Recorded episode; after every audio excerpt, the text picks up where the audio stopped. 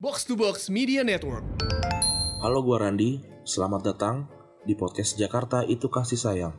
Sebuah program podcast harian dari Retropus di bulan Ramadan yang bertujuan untuk membuat gue tetap waras selama masa karantina di Jakarta. Di tiap episodenya, gue akan bertanya tiga pertanyaan yang sama kepada orang-orang yang berbeda. Mari kita dengarkan sebuah cerita baru dari orang yang baru.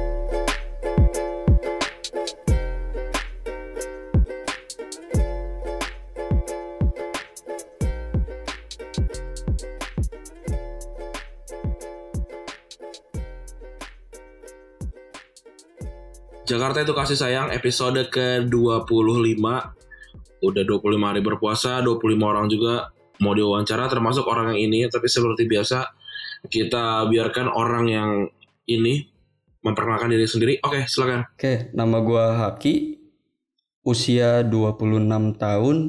Sekarang asal gua di Bogor, emang dari lahir gua di Bogor sampai sekarang juga gua tinggal di Bogor. Apa nih yang pengen lu ceritain di sini nih di episode kali ini? Eh gua ini dulu eh, dapat image pinter karena jago matematik di sekolah sampai kuliah, sampai lulus kuliah. Terus eh, sampai pas waktu sekolah itu gua sampai buat satu ruangan pas UN itu nilai matematiknya 10 semua. Gue cuma ngerjain waktu itu cuma bis, cuma ngerjain soal satu jam. Gue bisa distribute 5 paket soal ke teman-teman gue satu ruangan.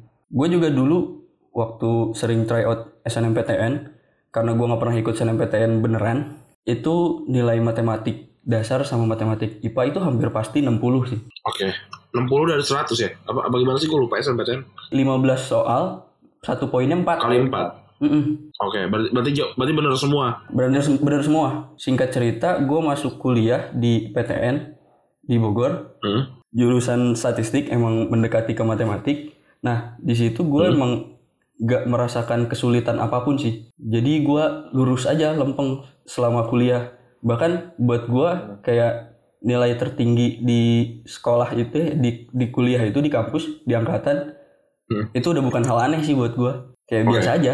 Masalahnya itu ketika gua lulus itu kan dengan predikat cum laude lah ya hitungannya. Tapi bi- gua nganggur 4 sampai 5 bulan pertama sih. Oke, oke. Jadi lu lu pintar, tapi lu nganggur lebih lama dibandingin teman-teman lu yang mungkin tidak sepintar lu dalam hal akademik. Oke, terus terus. Itu pun ketika gua kerja pertama kali itu di kantor kecil cuma empat orang. Hmm? Ibaratnya Oke, gak perlu proses interview pun gue pasti masuk gitu. Ya udah gua ya biasa biasa kan kerja sampai setahun gua keluar gua resign itu masuk ke satu startup yang memang baru banget mulai baru banget start gak lama juga karena satu dan lain hal gua resign lagi masuk lagi ke startup yang emang cuma empat orang lagi terus eh, tapi eh, emang lu nggak pernah nyoba eh, apply di apa ya di perusahaan yang emang besar gitu yang yang yang ratusan atau ribuan orang karyawannya gitu. pernah sering sering interview juga Oke, sering terus dipanggil. tapi hmm? tapi emang nggak pernah lolos aja kenapa kalau menurut lu kenapa kenapa nggak bisa lolos si interviewnya? gue nggak tahu sih karena gue gua ngeduganya karena memang komunikasi gue kurang baik jadi kayak Oke. apa yang di otak gue tuh nggak bisa disampaikan dengan baik gitu nggak bisa keluar Hmm? nggak bisa keluar aja Tapi lu kalau kalau berkomunikasi harian gitu masalah ada punya sering bermasalah. kalau harian sih nggak nggak nggak begitu ya kayak Heeh. Ya biasa aja sih ngobrol cuma emang kayak gini kadang ragu untuk mengungkapkan sesuatu gitu Oke. Eh, kenapa kalau menurut lo? Kenapa lo bisa ragu? gimana ya gue juga gue juga bingung sih sebenarnya gue sih menduga selainnya selain dari komunikasi itu sendiri gue punya masalah bahasa juga jadi Oke. kayak gue nggak bisa selain selain nggak bisa berkomunikasi dengan baik gue nggak bisa membahasakan sesuatu juga sebenarnya Oke. eh, contohnya gimana tuh?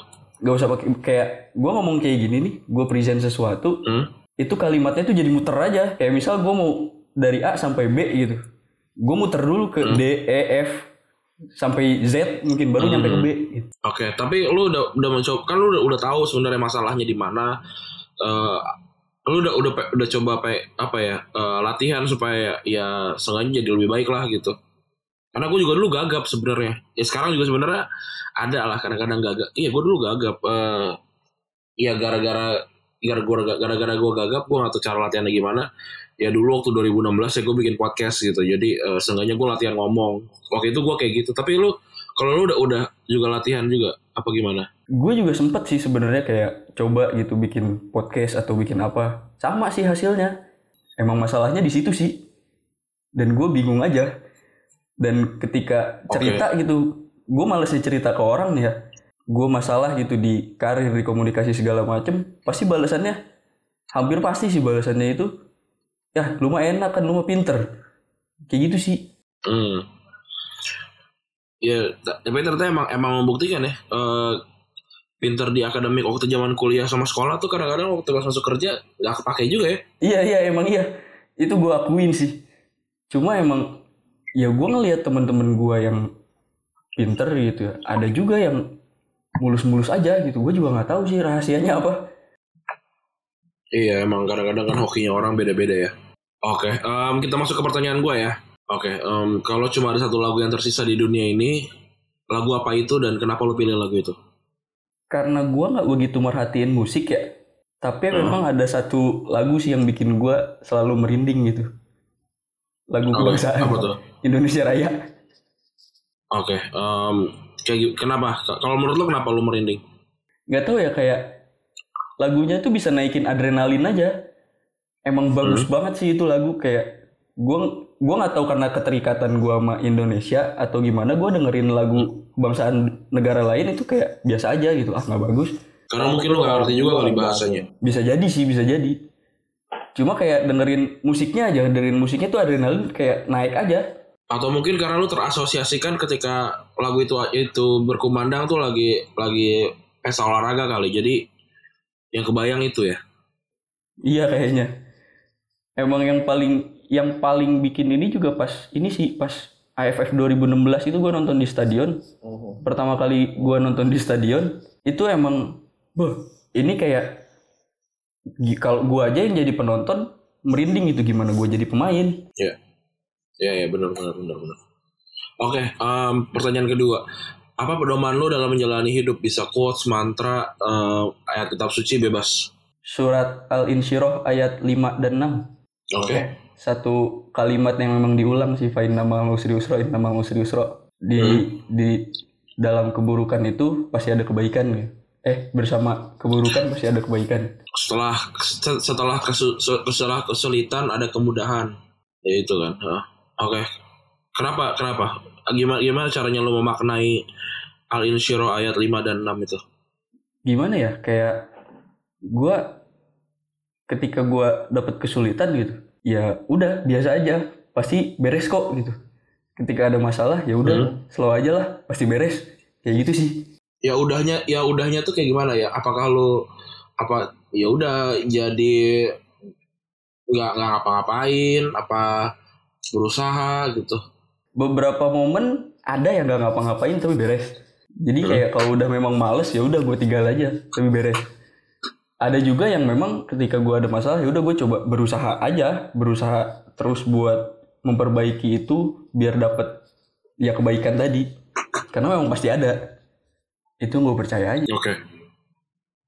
Oke pertanyaan terakhir. Apa yang paling paling berdampak sama lo saat covid ini terjadi pandemi ini terjadi Kalau gua, kalau misalnya dari kerjaan karena memang WFH ini udah dua bulan lebih, di bulan-bulan pertama itu nggak begitu ngaruh karena memang kantor gua udah ada kebijakan WFH dari lama. Jadi emang ya udah biasa aja gitu karena memang anak-anaknya juga pada sering WFH. Tapi karena memang sekarang diwajibkan WFH dan keseringan ada di rumah, mulai stres, mulai ya biasa gua ketemu orang karena gue bolak-balik dari Bogor ke Jakarta kan biasa gue ngeliatin orang bolak-balik segala macam ini gue di rumah kekurung aja itu bener-bener bikin gila sih bagusnya emang ya ini bini gue jadi lebih kreatif aja buat masak oke eh, lebih lebih enak ya di rumah ya oke oke Oke gitu aja kali ya untuk episode kali ini. Terima, terima kasih teman-teman yang sudah mendengarkan. Selamat berpuasa juga. Thank you juga um, Haki udah mampir ke episode kali ini. Um, sehat-sehat sehat-sehat terus ya. Uh, semoga nggak- nggak terdampak apa pun lah um, di sini di Strip Sip. Terima kasih, terima kasih teman-teman yang sudah mendengarkan. Gua Randi cabut. Bye. Bye.